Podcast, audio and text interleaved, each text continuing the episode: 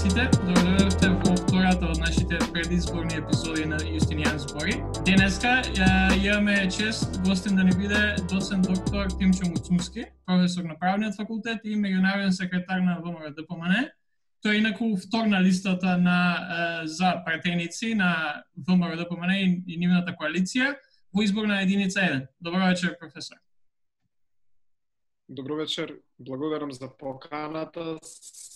Се обидувам да следам вашата емисија колку што ми дозволува времето а, и ќе ви кажам дека тоа што го правите е навистина иновативно а, и ми враќа доверба дека студентскиот глас ќе биде се посилен и посилен, а исто така ми, ми дава доверба дека и политичката иднина на нашата земја мислам дека ќе биде во многу добри раци. Фала ви, фала ви за убавите зборови и фала ви за одвоеното време кое знаеме како е каква е напорна кампања имате и секоја изборна кампања е таква, ова може и поеќе. Па така, навистина ви благодариме за одвоеното време. И а, разговорот сакам да го почнам некаде со, со вашиот почеток во политиката. Знаеме дека сте доцент на, на правниот факултет, а, па од тука би започнал од каде тој интерес за политика и како вие влеговте во, во цела оваа ситуација? Па и добро, може би малку необично, но не знам, еве секој различно ги толкови работи. Јас уште како условно кажано на многу мала возраст постојано бев прилепен на телевизиските екрани и ќе бидам искрен не македонски телевизии, туку многу гледав CNN и други такви типови на програми кои што покриваа повеќе глобална американска политика и од секогаш сум имал а, некоја при, ме привлекувала политиката, ако може ете така попросто да се да се изразам. Сум си градал како и секој млад човек некој вредносен систем во кој што верува и сум осознал дека споделувам еден сет на вредности политички, идеолошки, кои што соодейства со политичката партија ВМРО ДПМН. И би кажал дека мојот поактивен, по моето поактивно учество во Унијата на млади сили на ВМРО ДПМН почнува некаде околу 2011-та, 2012-та, се точно некој во тој период почнувам веќе поактивно да земам учество во во партиските активности. И тоа доаѓа како некој природ, природен сплет на околности што јас ги поминувам практично сите структури а, на политичката партија. И моментално сум таму каде што сум денес, а, меѓународен секретар на, на, партијата. Тоа било моја самостојна одлука, не е дека некој или во моето окружување или во моето семејство влијал на тоа, едноставно една одлука која што јас самиот сум си ја донал да, точно истовремено и работам. Значи, мојата професија е на правниот факултет, каде што се занимавам со научна дејност. Јас затоа секогаш и често знам да нагласам политиката не ја разбирам како професија. Политиката ја разбирам како дејност во интерес на државата. Американците често го користат и терминот јавна служба кога зборуваат за, за, за политиката, каде што ние кои што имаме и некоја друга кариера и некоја професија, додадената вредност од таа професија ќе ја внесеме во политиката. Така да се надам дека успеав да ви го, да ви дадам соодветен одговор на прашањето кое што го поставувавте. Не е некоја конкретна или една причина, е веројатно некоја детска љубопитност кој што ме натерало да се интересирам за политика и понатаму се случил тој природен влез во, во политичките процеси. Да, да, дефинитивно може овде и да се надоврзам. Знам како ви е на вас, бидејќи јас као уште као мал, една од одлуките зашто запишав во ствари политички направене тоа, бидејќи уште као мал со дедо ми на телевизија гледаш вести, па не знам, разни други некои мали работи, бидејќи реално политиката е на секаде околу нас, колку и да сакаме да да избегнеме, на секаде е околу нас и и дефинитивно сваќам од каде идете. Е сега што зошто токму сега?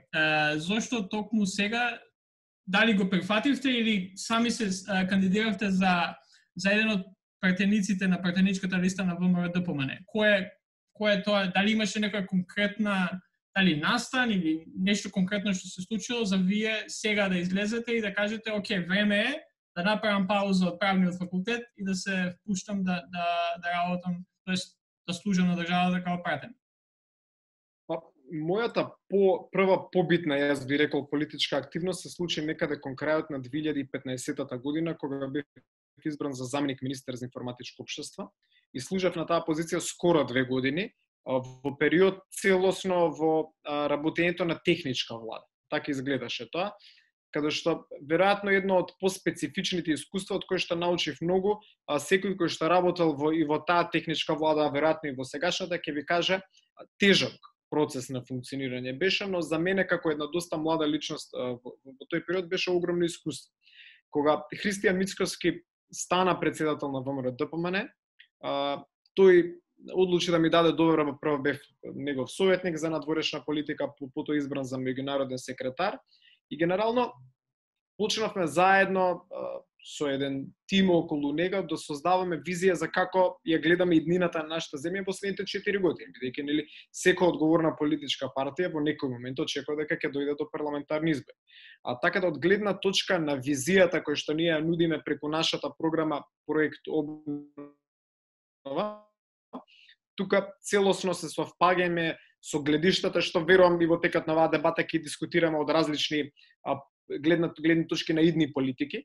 А, а одлуката за кандидат за пратеник ја беа на предлог на председателот, но самата одлука одлука ја донесе централниот комитет на партијата и веројатно во знак прашање беа земени повеќе фактори. Дали поединците се наоѓаат во политичките гледишта, на партијата и можат истите соодветно да ги представуваат во законодавниот дом, одредени анкети кои што се правени во однос на гледиштата на јавноста во соодветната изборна единица за за поединците, така да јас а, го прифатив повикот на политичката партија и политиките во кои што верувам а, да бидам кандидат и да имам можноста во следниот парламентарен состав. Се надеваме ние од позиција на парламентарно мнозинство да направиме нешто добро за нашата земја, да понудиме некоја надеж во многу различни области, како што реков, кои што веројатно ќе имаме прилика да ги дискутира. Да, и, и е, моето некој последно прашање во овој дел, као во овој дел во, во интервјуто би било, е, спомнавте дека веќе од 2015 некако влегувате во тој политички свет, прво као министр, сега и као кандидат и иден пратеник во собранието. Релативно сте млад, Па од тука би, би ве прашал како е тоа да се биде млад политичар во Македонија, а, каде што не знам, идеологија од аспект на идеологија, од аспект на еве избори, од аспект на од аспект на функционирање и и некое некое ваше гледиште на тоа како и како и што представува да се биде млад политичар во државата. Па, Да се биде млад политичар во државата, веројатно најлесно ќе му беше доколку комуницираше доколку мейнстрим меди, медиумите со кои што комуницираше во јавноста се однесуваа на пример како вие што се однесувате.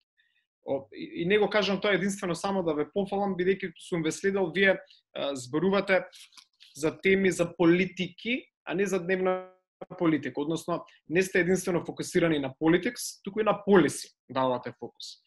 А, и секој млад човек, веројатно кој што има и некоја предходно искуство и со професорката Силјановска многу често го дискутираме, тука го гледа својот импут политики кои што ќе ги променат работите. И сега, каде е тука веројатно најголемиот предизвик за секој млад човек кој што има некои идеали кои што ги внесува во политиката? Најголемата потешкотија е секој млад човек сака да ја промени политиката, а не да дозволи политиката него да го промени. Што мислам конкретно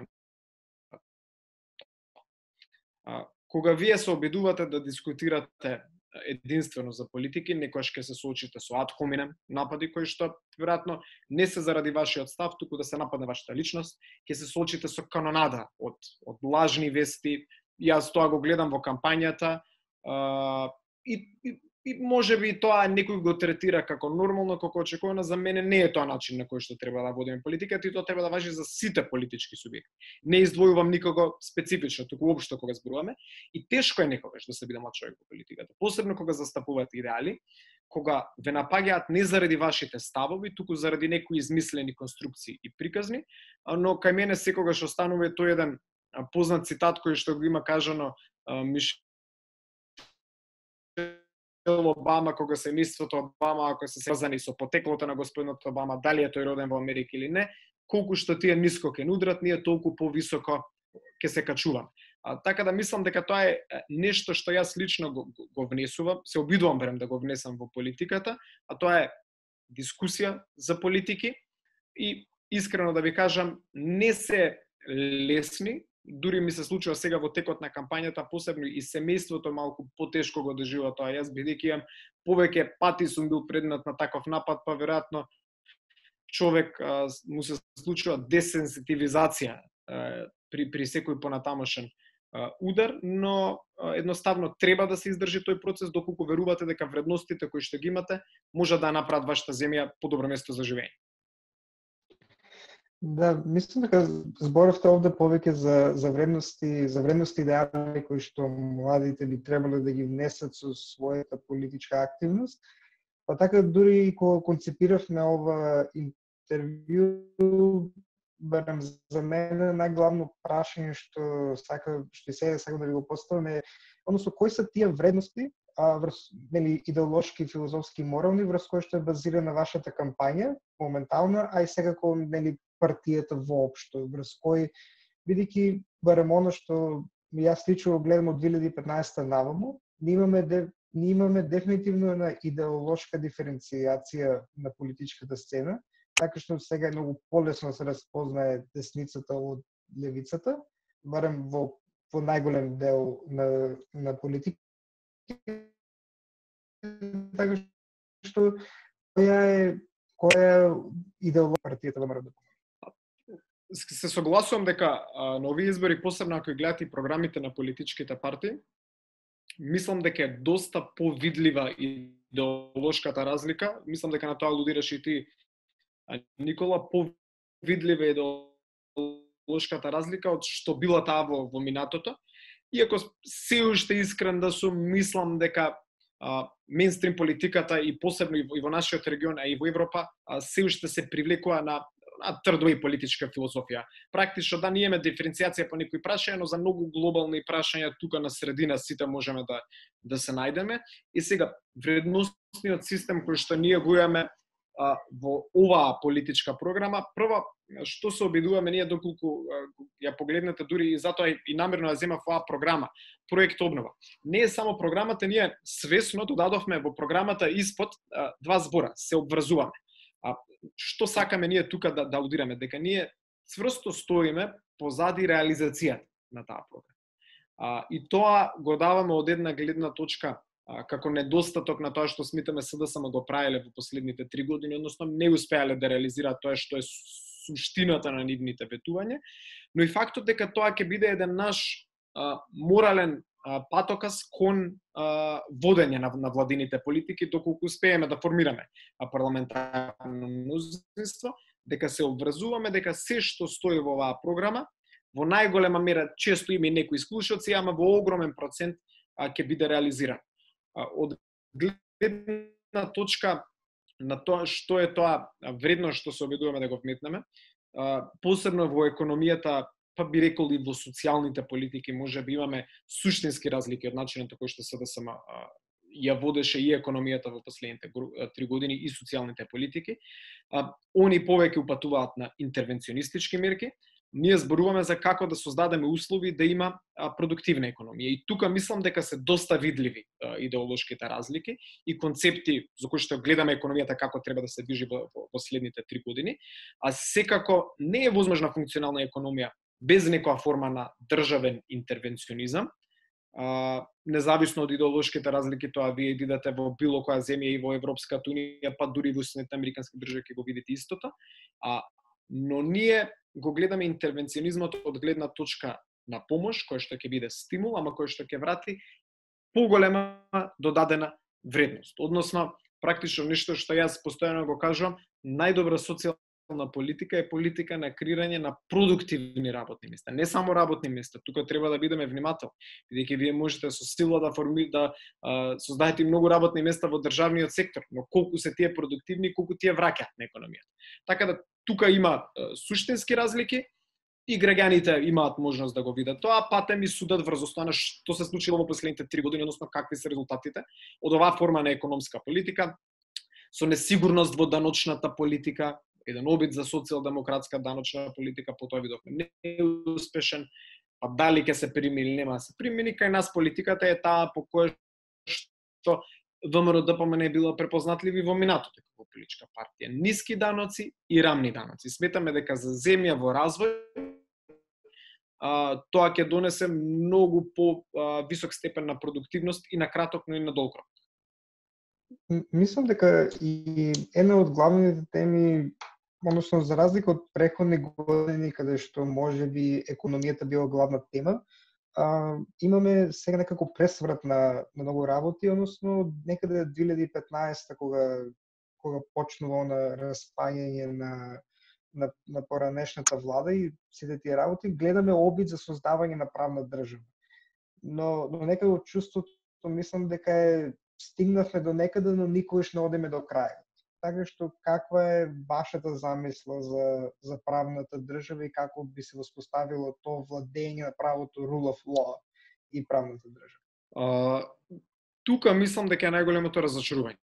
А, за, за, за СВСМ, ако мене ме прашате, тоа е една поента која што јас шира бев на дебата со вице-премиерката Царовска. Јас тоа најпластично се обидам да, да, да го објаснеме влада која што за три години даде три амнестии И тоа е незиниот политички легат. Тоа е фактичка ситуација, односно ноторна состојба која што можеме да се обидуваме да не агираме, но е реална и се случи во нашето општество. А има тотален крах на правосудниот систем, а уште поголем проблем е степенот на недоверба на нашите граѓани во правосудниот систем. Значи, вие можете да кажете, ние донесовме многу закони, се обидовме, но дали граѓаните чувствуваат промен? Дали кога се движат нисходниците на судството и и, и јавното обвинителство има понизок степен на корупција, дали имаат а, дали се подпре на повисок степен на правна сигурност, дали се предвидливи правните постапки, не се. И во таа насока, а ние во проект обнова се бидуваме да внесеме а, прво нешто што може би малку ние ако го спомнуваме не добива толку толку голем впечаток кај јавноста, ние кажуваме во програмата отворено дека во првите моменти една работа што ќе направиме ќе формираме експертска група независна експертска група која што ќе земе во предвид потенцијалната потреба од уставни измени. Ние во последните три години видовме какви недостатоци имаме во нашиот устав.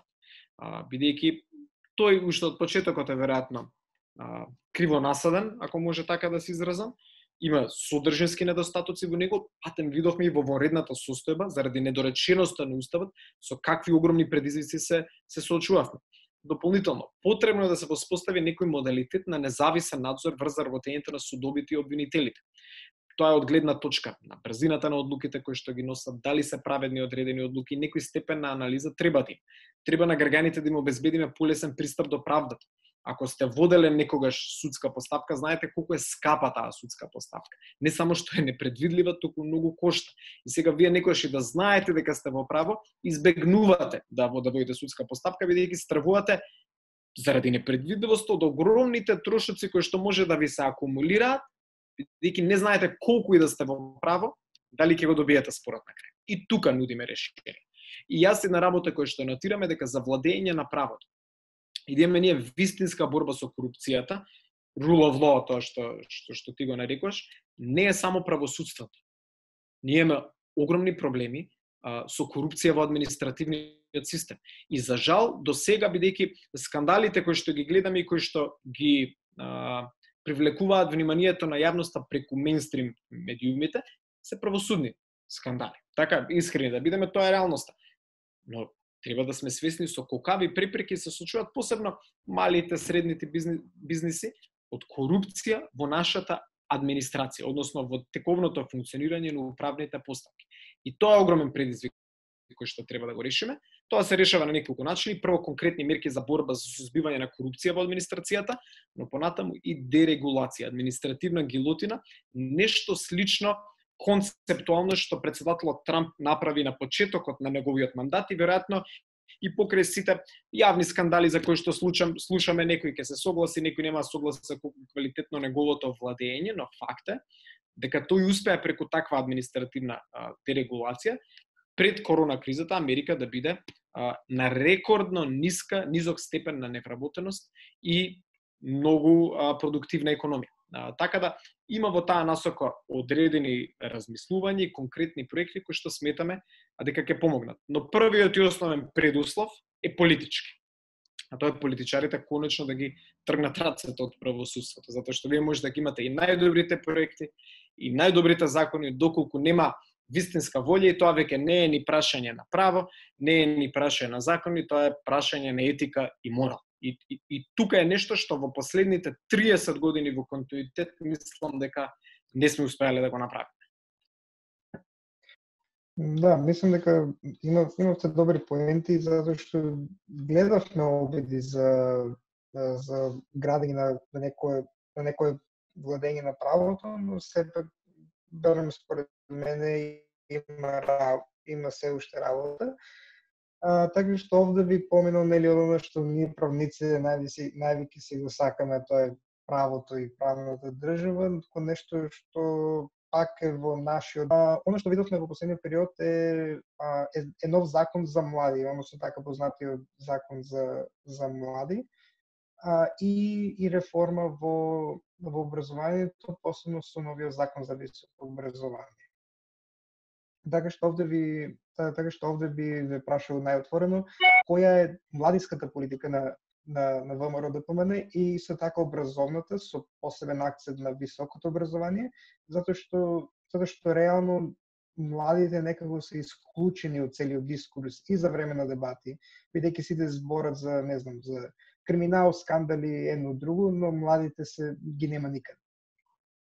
И сите зборуваме за исалување, ако зборуваме за иселување, треба да сме свесни дека најмасовното иселување се случува кај младите генерации, кај кои што мислам дека има најголем степен на разочараност, мислам дека ќе имаме историски низ, најнизок степен на излезност кај, кај младите генерации и тоа ќе биде огромен предизвик за сите политички субјекти за годините кои што доаѓаат.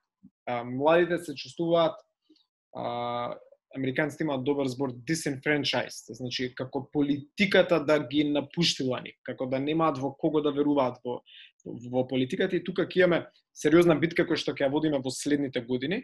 А, јас еден проект а, кој што би го нагласил, кој што го има во нашата програма, мислам дека ќе значи многу за младите е фактот што ние ме намера следната академска година да ги покриеме во да ја покриеме во целост партиципацијата а, на сите млади на, на кои што студираат на државните универзитети. И тоа сметаме дека ќе биде една мерка која што во овие тешки времиња ќе помогне за нивната а, економска благосостојба.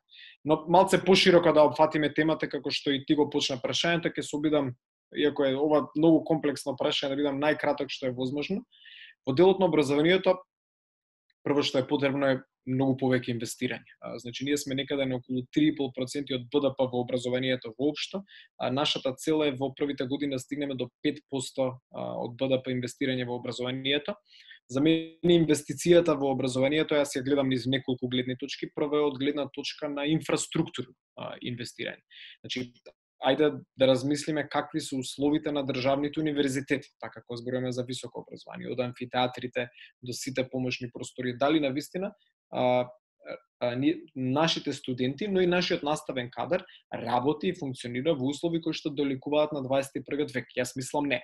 И за човек, ако поминува вие како студенти по 4-5 сати дневно низ тие простори, ние како кадар по 8, 7-8 сати дневно низ тие простори, треба тие да бидат пристојни. Ме некој ме прашува. Секој човек сака се чувствува убаво во просторијата во каде што работи, во каде што учи. Така да потребни се примерно инвестиции во инфраструктурата. А потоа потребни се потребно инвестирање во кадрот. Значи, ние ќе бидеме подобри наставници и поквалитетен кадар кој што ќе ви пренесува подобро знаење, ако и во нас се инвестира.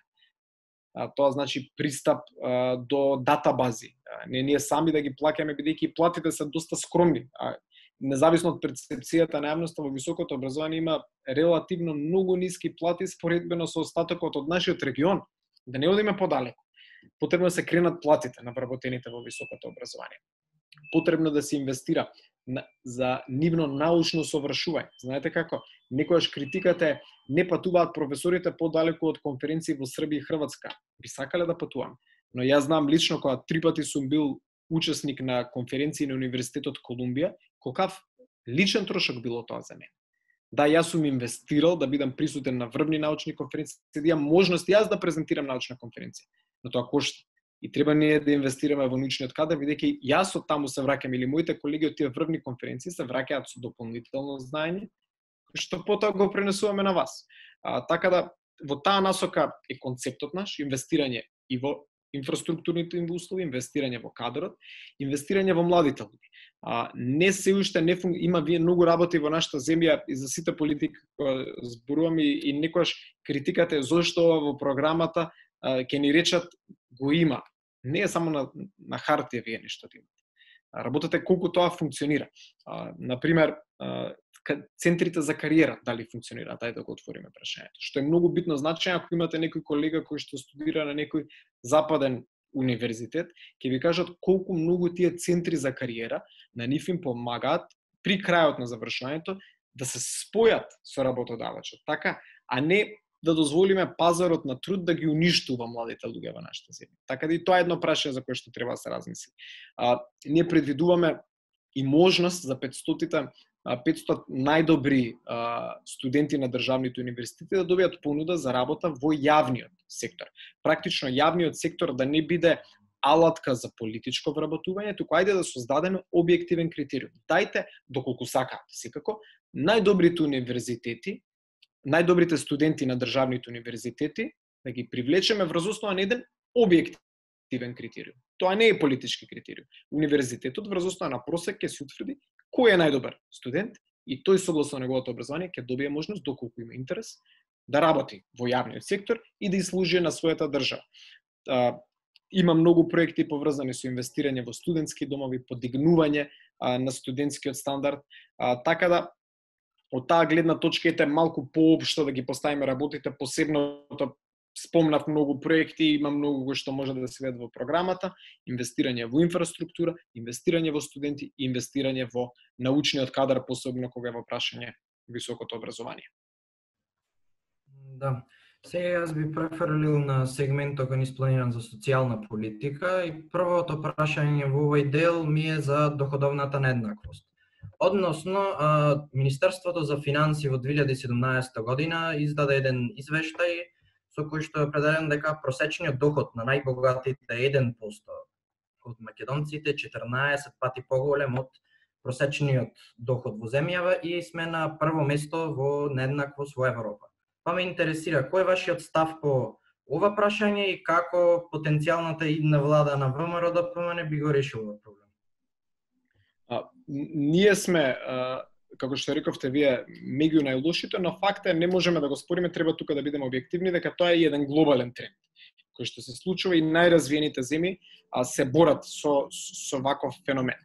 Како тоа ќе се направи? Е, вие морате да создадете квалитетно и добро платени работни места. А, тоа е еден од основните проблеми кои што ги имаме кај нас. Некој мисли со завршено високо образование дека веднаш имате пристап до добро платено работно место кој што ги цени вашите квалификативи. И сега, се случува кај нас еден дисбаланс на пазарот на труд. И затоа зборуваме ние во нашата програма за флексибилен пазар на труд. Кој е првиот огромен проблем кој што го имаме? Високото образование не секогаш ги подготвува младите по завршувањето на своето образование да имаат квалификативи а, кои што ќе ги направи нив продуктивни вработени во приватниот сектор посебно. И тие не се веднаш кадар кој што овозможува а, квалитетен работник, како може така да се изразам. А затоа ние прво што зборуваме е за потребата од воведување на дуалното образование во средното образование. А, значи директно поврзување на стопанството со средните училишта, за вие да создадете млад човек кој што веднаш по завршување на средното образование, доколку не сака да оди во високо образование, да биде продуктивен работник кој што веднаш е подготвен а, да се намен а, на пазарот на труд. И од таа гледна точка ние сметаме дека токму една ваква мерка ќе помогне а практично вие некојаш на место да имате двајца или тројца вработени за едно работно место, доволно ќе ви биде само еден кој што е продуктивен и кој што е подготвен. И веднаш ќе почне да се криваат и платите во приватниот сектор. А, така да има одредени политики кои што се создадени во оваа програма, како што е дуалното образование, како инвестирање во практичната настава, како што современување на програмите на универзитетите, кои што имаат за цел да создадат поквалитетен кадар кој што понатаму по, повеќе би бил ценат на пазарот на труд, бидејќи најголемиот диспаритет, ако ги следите овие статистики внимателно, е тоа што тие што го стекнуваат првото работно место се многу ниско платени. И тоа веројатно и во пракса вие го гледате. Замислете млад, млад правник која завршува високо образование и почнува да работи, дали е тоа во адвокатска канцеларија, кај нотарки извршител, знаете колкава е неговата плата. Така, нека да се движиме околу минималната плата. И затоа ние мораме да создадеме млади луѓе и а, спојна образовна политика кој што ќе овозможи да имаме прво да немаме а, хиперпродукција на одредени професии кои што пазарот на труд не ги бара, за да имаме флексибилен и функционален пазар на труд кој самиот по себе ќе крене продуктивноста и ќе обезбеди повисоки платени работни места, посебно кај младите категории кои што имаат и највисок степен на невработеност, но, но кои, кои што се најслабо платени, заради кои што се случува оваквиот диспаритет. Да, ја споменавте минималната плата и следно прашање ми е околу тоа. Односно, моменталната минимална плата е, ако добро знам, 14.500 денари. А, да. кој е ставот на ВМРО да околу тоа, дали треба да расти или е сосема доволно? А минималната плата нема никако да падне под овој износ кој што го има сега. Но нашат, нашиот, нашата методологија за раст на минималната плата од оваа минимална плата кој што ја има сега, не е преку државен интервенционизм. А ние сметаме дека преку создавање на тоа што е нашиот економски концепт, преку создавање на продуктивна економија, ние ќе му овозможиме законска рамка во согласно со стандарди на Европската Унија, со кој што приватниот сектор, почитувајќи ја таа законска рамка, ќе ја крева минималната плата, практично самиот. А, така да тој е нашиот концепт, ние не веруваме и идеолошки не сме на ставот дека треба со интервенционизам да се променува минималната плата, но истовремено нема на граѓаните ниту да им одземе стекнато право. Не е возможно минималната плата да биде а, и со влада на ВМРО ДПМН под оваа минимална плата, а ние гарантираме со начинот на кој што ќе се водат економските политики и со нашата предвидена методологија дека таа ќе се крепа. Да. Следно би, раз, би сакал да разговараме за законот за заштита од дискриминација. Односно пред скоро време истиот закон беше укинат од Уставниот суд поради определени парламентарни процедурални проблеми. Па ме интересира во влада на ВМРО ДПМН дали ваков закон, дали овој закон или закон од ваков тип, дали ќе има некаква иднина? А, законот, а, прво и вие добро кажавте, не падна на, на Уставниот суд заради а, со неговата содржина, туку заради тоа што ова владеачко мнозинство по кој знае кој пат не ја почитуваше парламентарната процедура. И тоа е едно суштинско прашање кое што многу треба да внимава. Знаете како, ако а, парламентарното мнозинство прво не ја почитува парламентарната процедура, каков пример поставува за остатокот од државата. А, законот а, имаше одредени забелешки од Венецијанската комисија кои што не беа во целост имплементирани во крајната верзија која што беше усвоена од собранието. А, јас мислам дека ВМРО ДПМН ќе подржи а, нов закон за дискриминација, дефинитивно тоа е неспорно, треба многу а, повеќе од тоа што го имаше постојната законска рамка, но истовремено би напоменал дека пред да биде истиот ставен на дневен ред, потребна е дополнителна анализа на ставовите на Венецијанската комисија по однос на истиот, односно и дополнително проширување на, на правата кои што истиот ги, ги, ги предвидува. Да. Моментално живееме во едно чудно време во најмала рака да се спомни, односно имаме една сериозна здравствена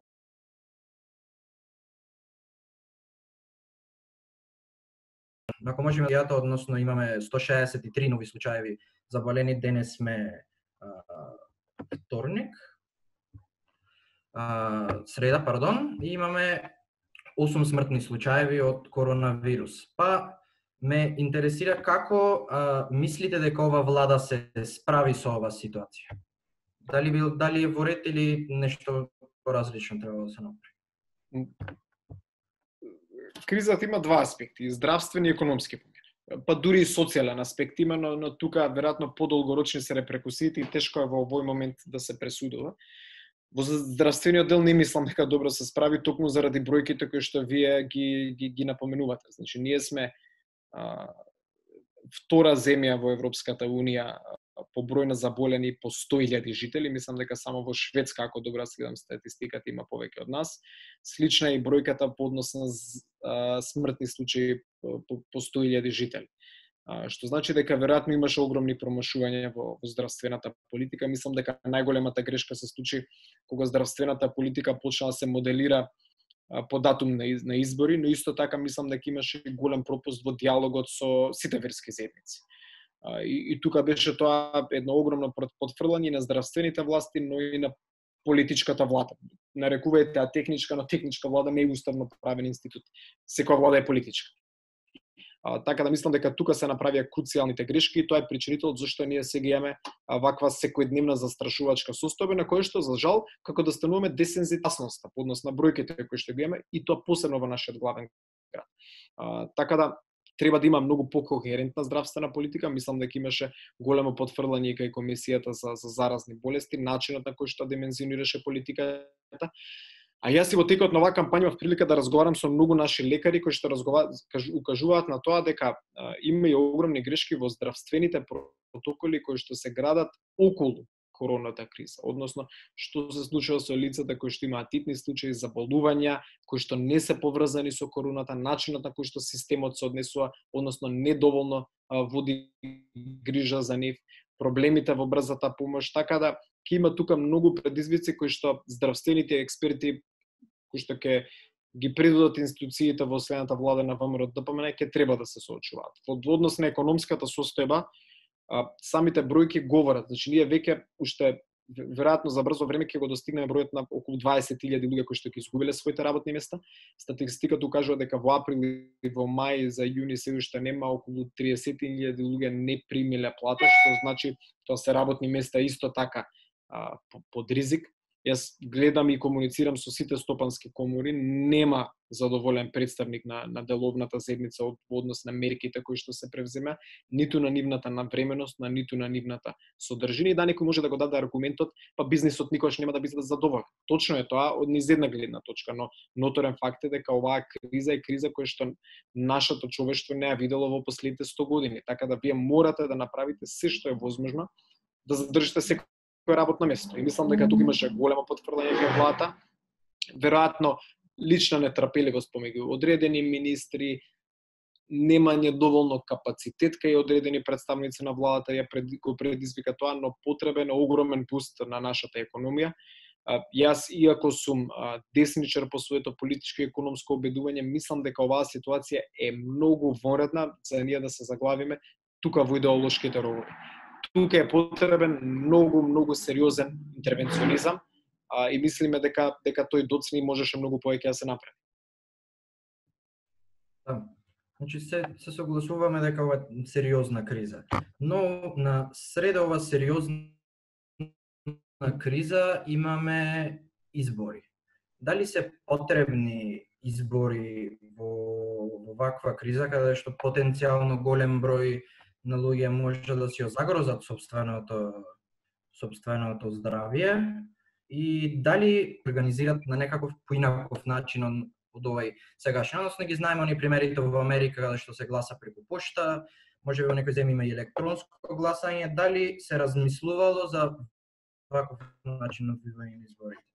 Електронското гласање е модел на гласање на иднината но за тоа е потребно инвестирање и за тоа е потребно време. Замајќи го во предвид краткиот период а, кој што се бараше за овие избори да се реализираат, посебно од СДСМ, а, искрено да ме прашате, јас исто бев на ставот дека требаше повеќе време да помине пред да ги одржиме изборите. Дека требаше да чекаме до крајот на летото со надеж дека ќе извршиме поголема контрол. А, но огромно беше инсистирањето на СДСМ, а од иста од друга гледна точка опозицијска партија да бега од парламентарни избори, тоа би било крајно несериозно и би ја ставило државата во уште поголема и политичка криза доколку тоа го направевме.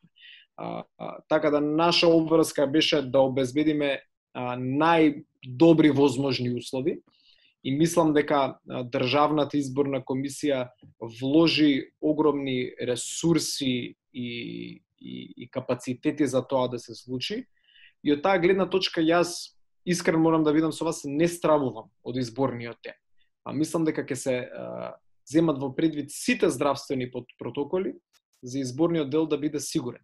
Јас најмногу и не само и за моето лично здравје, туку и за здравјето веројте на сите кандидати за пратеници и на сите граѓани, активисти на нашите а, политички партии, а, опасноста е при таа мобилизација што се случува во текот на кампањата. Тука е најголем степенот на комуникација премегу граѓаните. Можноста за одржување на добри здравствени услови на денот на изборите мислам дека нема да биде под знак прашање и верувам дека граѓаните може да се чувствуваат безбедно, безбедно за да излезат да гласаат на 15 јули. Да, дефинитивно ова не само и кај нас, туку и кај голем дел од други држави во светот, па еве и блиското соседство, има ситуација кај што мораме да мора да, да се сочиме со избори за време на, на светска пандемија. Од тука, моето прво прашање тука би било како досега сметате дека ова изборна кампања која повеќе се води сега виртуелно отколку што се води како што било досега, сред високограѓани митинзи и, и ред други работи кои, кои за кои мора да има физички контакт, па така како сметате дека тој дел од кампањата оди и дали на пример па збориме директно за за вас и за кампањата на ВМРО, како вие се приспособивте на тоа. А, ја можам да пофалам бидејќи се следиме на Инстаграм по со профилите од од подкастот кај што доста сте ажурни најчесто тоест во поголем дел од вашите постои па и сторења зборите за акту, за конкретни политики како како тоа се рефлектира и, и дали смета дека тоа е застапно барем еве сега во овој дел од, од кампањата за време на на корона? Па, прво од гледна точка на активностите кои што ги превземе, како што гледате ниту една партија и мислам дека сите партии се максимално одговорни. Тука сите без исклучок мислам дека треба да бидат пофалени. На вистина вложуваме заедно сите да бидеме пример на, на целокупното општество за како треба да се однесуваме. Сите внимаваат, сите носат маски, ракавици, сите средства кои што се потребни. А, нема организирање на некои големи масовни митинзи барем до сега што сум видел и тоа е огромен предизвик да знаете бидејќи кога правиме мали собери нередко се случува посебно кај големите политички партии да дојдат и повеќе граѓани од тие што биле поканети. И тука е наша обврска пред почнувањето на секој митинг, кога има микрофон, кажуваме, ве молиме, држате дистанца, треба да се каже на граѓаните, треба да се подсетуваат и мислам дека тука е наша обврска да постуваме примери. А, комуникацијата е неспорна, човек на човек и мислам дека жално би било дури да избегнеме истата. Значи не поентата да ги дигитализираме меѓу човечките односи, да ние ги користиме дигиталните алатки, но друго е кога ќе имаш можност почитувајќи ги сите мерки, да разговараш лично со човек, да, да, да, да, да го почувствуваш пред тебе и сите негови проблеми, се што мисли дека треба да се направи. А, од гледна точка на специфичната кампања има секоја партија една национална кампања која што води преку масовните медиуми и преку дигиталните средства, но имате така како што гледате ние кандидатите за претеници, а си водиме јас нешто што би нарекол персонализирани кампањи. А јас тоа го правам, имам мал тим, многу мал тим и многу малку ресурси имаме на располагање, но со тоа што го имаме, се обидуваме да направиме максимум посебно во изборната единица кој што се наоѓаме. А да зборуваме и со граѓаните за теми кои што се опипливи за нив и да допреме, барем јас тоа се обидувам и доколку ја следите мојата кампања на Facebook фан страната која што имам и на Instagram профилот, се обидуваме со 100% позитивна кампања додека. Значи, јас сум убеден и по тоа што гледам анкетите на јавното мислење дека граѓаните веќе ја имаат создадено перцепцијата и за степенот на корупција и за економската неуспешност на нашиот опонент. И затоа верувам дека моја обврска како кандидат за пратеник е да понудам надеж и да им понудам на граѓаните како би изгледала влада на ВМРО да ДПМН и кои би биле промените кои што тие може да ги очекуваат во позитивна смисла. Така имам концепирана таа персонализирана кампања во тие неколку денови кои што останува, ветувам дека нема да биде ништо различно. Ке тераме до крај со позитивна кампања. Да, и, и баш за ова сакам малце да, да поминеме време да позборуваме, бидејќи колку и да е персонализирана кампањата, која станува збор за одредени а, политичари, тоест одредени кандидати за пратеници, сепак не можеме а да не добиеме чувство дека Така владува негативна кампања уште од самиот почеток на, на изборниот процес. Па така, а, не знам, тој поли, политички наратив кој се води за време на оваа кампања, а, барем еве мене ми дава до знаење дека партиите сакаат да гласаме против, а не за. А, и, и тука би ве прашал зошто превладува толку голема негативна кампања. А, јас сваќам да еве и сметам дека моментот кога е за да се каже еве владата на СДСМ не направи ова или ова не направи тоа што кажа е во дебата, но секојдневно сме бомбардирани од еве ќе кажам двете страни, ама и од повеќето помали партии од не знам, негативна кампања против овој, па гледаш билборд надвор против оној, па трет, па четврт, зошто е тоа така и, и зошто бар еве сега кога знаеме дека зборавме за идеологија, зборавме за младите колку само нема нај најверојатно нема и да излезат да гласаат во во во голем број, зошто се продолжува со таа негативна кампања кога може да се забележи дека можеби и тоа е еден од поголемите причини зашто некој еден млад студент не би излегол да гласа бидејќи му е смачено од од негативната едноставно од негативната а, аура или а, негативноста која се создава околу избори целосно ке се мислам, вие и прашање поставивте, но дадовте заклучок во прашањето со кој што целосно се согласувам. Мислам дека таа обшта негативна кампања, иако во политиката многу ретко се случува да нема негативна кампања, но кампања, но прашањето е тука процентуално која ќе биде позастапена. Се согласувам со вас. Јас лично затоа и тој став го имам, иако имало различни размислувања околу кампањата кој што јас се водам како кандидат за пратеник, некој ќе каже не е добра, требаше поинаку. Јас а, не можам да правам и да се однесувам а, на начин на кој што во самиот не верувам во истиот. А, така да, јас затоа водам позитивна кампања, целосно согласувајќи со вас дека единствен начин на кој што ќе ги убедам граѓаните да го заокружат бројот 14, да им дадат на мене подршка заради листата на која што што се наоѓаме доколку доправам со нив со позитивна порака. И во индивидуалните кампањи кои што ги гледат и од нашите политички противници има негативни аспекти. Јас не зборам за политичките противници во, во оваа кампања. Од време на време ќе се спомне нешто, но тоа е верувате сведено на макси, на, на минимум зборуваме за како Македонија треба да изгледа, ќе нотираме некоја забелешка за нивното работење, но понудата е тоа што е потребно и целосно согласувам со вас, потребно е за да ги вратиме младите да имаат довера во политиката, да го намалиме тој степен на убаво го нарековте вие негативна аура која што се шири во општеството. Да, и тука само ја би завршил со, со еве, ова некое прашање, кај што спомнавме, зборавме за идеологија и вие спомнавте која е вашата некако и, и според која се водите и вие самиот и, и партијата, но еве, пак е пак е одам со некој заклучок, па од, од така би би сакал и коментар од вас. Се поеќе младите не знаат идеологија или не сакаат да следат или не сакаат да да бидат идеолошки настроени, туку не знам, се зачинуваат у партија бидејќи има некоја корист од тоа или идат да гласат на избори не бидејќи тие веруваат во еве не левичарски некои идеали или дестичарски, туку бидејќи гледаат некоја корист е, од тој не, негов или неизин глас за одредена партија. Зошто е тоа така и како може да се смени тоа? Не е само кај нас, на секаде е така, ама еве, да земеме нашиот пример. Како може да се смени тоа е, гледање на политиката како лошо нешто и, и нешто кое може само да се искористи за нечија корист. Рековте секаде исто, не би рекол дека секаде е толку лоша состојбата како што е кај нас по ова прашање. Мислам дека страшни се некои состојбите кои што ги, ги, ги создаваме по однос на ова прашање.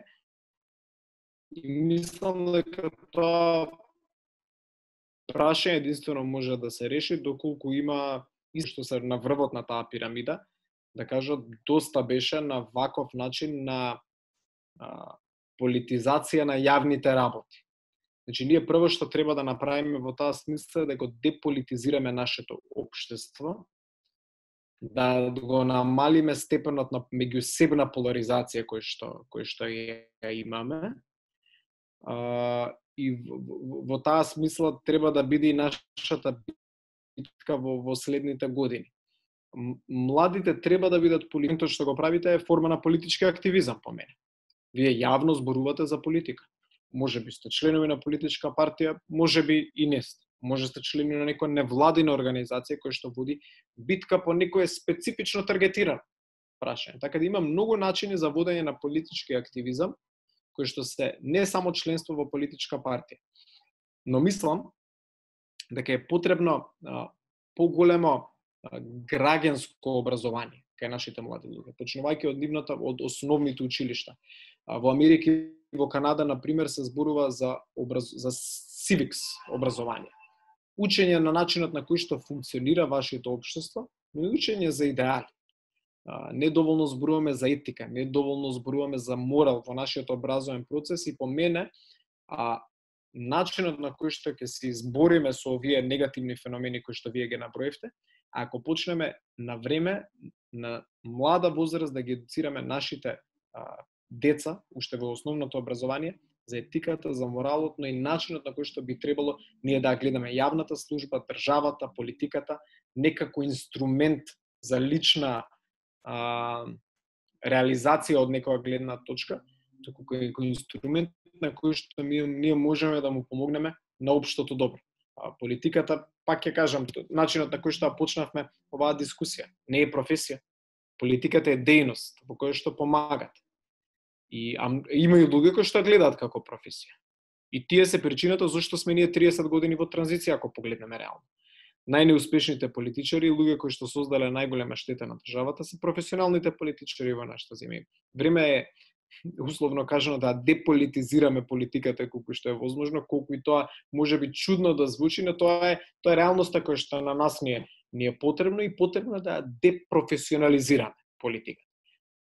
Кога ќе бидеме успешни во тоа, верувајте ми, ќе почнеме да ги избегнуваме овие негативни феномени до кои што вие допревте, а за кои што целосно се согласувам дека се голем проблем. Да, имаше имаше доста добри поенти и покривме многу големи теми, многу широки теми, но сега би одел на прашањето кое што често се поставува тоа на арбитрерна бројка као првите 100 дена од новата влада. А, така што повеќе повеќе за тоа прашање би сакал да ги а, да ги видиме приоритетите на на потенцијалното новата влада предводена од ВМРО ДПМН. А, така што како како ви ги гледате првите 100 дена од новото парламентарно мнозинство и новата влада? А првите 100 дена помине треба да бидат фокусирани примерно на предизвикот со корона кризата. Тоа е несомнено. Тоа е веројатно за изборите на 12 април различно ќе ги димензиониравме првите 100 дена пред корона кризата отколку после значи создавање на здравствени политики кои што се ќе се справат вистински со овој проблем кој што го имаме, знаете дека нашите болници се се повеќе оптоварени, а, нашиот лекарски потенцијал со се се поголеми проблеми се соочува. Понатаму со економските предизвици многу повеќе мерки да се помогне на приватниот сектор, а ние зборуваме да гарантираме во првите студена дека ќе донесеме три големи странски инвестиции. И тоа е нешто за што конкретно сме разговарали, сакаме тоа да биде едно позитивно изненадување а, за, за нашите за нашите граѓани, но во првите 100 дена треба да дадеме гаранција и за она што го напоменав, а тоа е инфраструктурно а, инвестирање во образованието. Разговараме за 100 објекти образовни во кои што во првите 100 дена ќе отпочне процес на подобрување на нивната инфраструктурна состојба. А, така да има доста амбициозна агенда, примерно е фокусирана на здравство и политика, но не запоставува ниту еден а, друг сегмент а, на работење. И останато ми е на мене на поранишниот председател на на Европската народна партија господинот Дол, еден многу мудар човек од кој што колку малку време да поминеш со него многу ќе научиш, често кажуваше тоа што ќе го направиш во првите 100 дена, најчесто ќе бидат рефлексија на твојот целосен мандат. Он тоа постојано го, го, го напоменуваше и мислам дека е многу вистиното. Затоа треба да се почне со силна, искрена работа на секое поле возможно, за граѓаните да почувствуваат разлика од тоа што била предходна власт. Ако вие сте исти како предходните, кои што не ја добиле довербата, тогаш не сте успеат. Да, и се согласувам и сметам дека дефинитивно а, на крај првите впечатоци многу значат, а, поготово кога стана збор за политика. А, мислам, можеме ние уште да збориме, Никола спомна, као покривме многу теми а, и а, зборувавме за повеќе работи и мајки предвид, еве, дека сега снимаме касно навечер и предвид, имајќи предвид дека сме е, некаде да при крај на кампањата, поготово за вас као активен е, учесник во, во неа, тука мислам може да превршиме со, со разговорот. И а, последните прашања би се однесувале онака малце полесни прашања за бидејќи ние повеќе на подкастот збориме за работи кои се дешаваат надвор државата. Тоа ни беше некој а, некоја желба на почетокот да да збориме за за некои од работите кои што да се, се случуваат дали во Европа, дали во Америка, дали е, на некој друг континент, е, од некој наш аспект као млад човек од Македонија. Па така, ја би ве, последните две прашања би биле во тој контекст и првото би ве, би ве прашал која е некоја ваша а, личност на која се а, ка, ваша омилена политичка фигура во, во денешната политика. Без разлика дали е тука или или од, од светот. У, ова е многу, многу тешко прашање, не е полесна, би рекол. Има многу луѓе во меѓународната политика кои што ги ценам и кои што мислам дека направиле многу и за нивните земји, многу и би рекол и за, за, за глобалната политика, но колку и ова мейнстрим да звучи одговорот, по мене еден од луѓето кои што најмногу направил за глобалната заедница е Барак Обама. А, не само заради политиките кои што ги имплементирал, туку и заради политичката култура која што ја метна во својата земја. А, тој беше личност која што сега тука малку е внимателен ке сум кога ќе одам одговорот бидејќи во политиката колку и да сте успешен, колку и да сте добар, секогаш ќе има луѓе кои што нема да ве Ако сакате дејност и професија каде што сите ќе ве сакаат, препорачувам некого да стане уметник или спортист во уметноста е лесно да бидеш обожаван, во спортот исто така е лесно да биде обожаван, доколку сакаш 100%, 100% популарност, немој да бидеш активен политичар. Тоа некој гучат на тешкиот пат, но тоа е реалност. И веројатно и за Барак Обама многу луѓе ќе кажат дека бил лош председател, напротив, јас мислам дека има донесено одлични мерки за за неговата држава, но како што кажав беше поединец кој што обединуваше Америка. Мислам дека се уште има капацитет да обединува Америка и мислам дека беше прогресивен политички лик, кој што направи многу за светот. Да, малце, да, ние имаме своји ставови со Барак Обама и нема да ги кажеме сега моментално, бидејќи би ни требало повеќе денови. Ако ми прашувате за активен политичар, а, од глобални рамки, еве да ви го бидејќи тоа е веќе пасивизиран условно каже политичар, реко повторно го гледам сега, дава огромна поддршка на Бајден во кампањата а повторно ќе излезам надвор од мојата а, типична идеолошка матрица, ако може така да се каже, и би рекол исто така од гледна точка на глобалниот поредок, ова е личност која што имам прилика да ја знам и, и, и, и лично, а, заради одредени од одредени причини, тоа мислам дека а, премиерот а, Трудо е исто така една многу позитивна а, политичка фигура, токму од истите причини. Исто така политичар кој што носи добри мерки во својата држава, но на глобално ниво, посебно на мултилатерално ниво, е обединува и ми е многу жал што Канада не успеа да го обезбеди едно од непостојаните места во, во, во Советот за безбедност. Мислам дека вода одлична кампања на таа тема, но за жал, ако, како што добро следев, не успеа да ја обезбедат едно од тие места. Да, и последното прашање кое што не е нималце полесно од, од ова, доколку имате можност да да бидете член на една политичка партија надвор од Македонија, која би била таа и зошто? А доколку би можел да бидам член на било која политичка партија надвор од Македонија, воопшто не е тешко да се одговори тоа прашање. А, би, би избрал помеѓу две политички партии кои што мислам дека се прогресивни, а истовремено прават одлични промени во нивните општества, тоа е ХДЗ во Хрватска.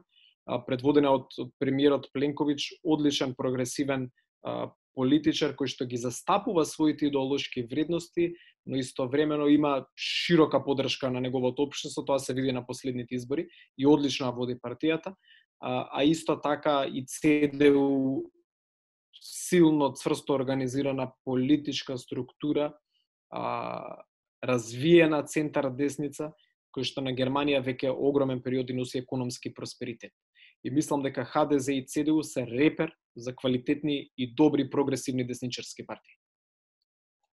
Да, и, и за крај ние, еве, и сами рековте дека не слушате, па така во секоја епизода, која имаме гостин, последното прашање е, го прашуваме гостинот да ни даде некој предлог за филм, книга, музика, некоја активност. Знам дека многу немате време сега да, да, да ги правите било која од овие работи, ама еве, доколку можете нешто да ни препорачате, што би било тоа? Последна одлична книга која што ја читав беше Homo Deus од Јувал Ноа Харари. веројатно сигурен сум дека личности како вас веројатно имале прилика да прочитат, ја препорачувам. Одлична, одличен поглед за како ќе се движи нашата заедница во еднината и посебно апропо и актуелните случувања. Мислам дека и тука имаше одредени визионерски погледи во незината содржина серија, земајќи во предвид вашата емисија, една од моите омилени серии, не знам, веројатно вие сте имале прилика да ја гледате, The West Wing. А, пример за либерална американска администрација и пример за вредносен систем во политиката. А, одличен филм кој што дел од сцените, еден од моите омилени филмови, а дел од сцените се снимани во Македонија, The Peacemaker, со Джордж Клуни мислам дека од 97 или 98 е филмот, ако некој имал прилика да го гледа, акционен филм со политички примеси и балкански теми, така да ако не сте имале прилика, мислам дека и на Netflix го има последно што видов, иако ја сигурно 4-5 пати сум го гледал, а, многу го препорача. Така да, сите теми мислам ги покрив, така?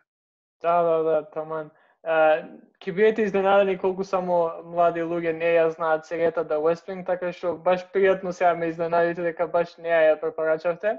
Сигурно јам гледано десетина пати, сите седам сезони, така што и од мене е препорака, но да. Да, на крајот да од разговорот сакам да се заблагодарам стварно за издвоеното време, за разговорот и се надеваме дека после изборите, пак како и тие да завршиле, повторно ќе ни дојдете и тогаш би биле во живо, секако додека доколку условите и тоа го дозволат.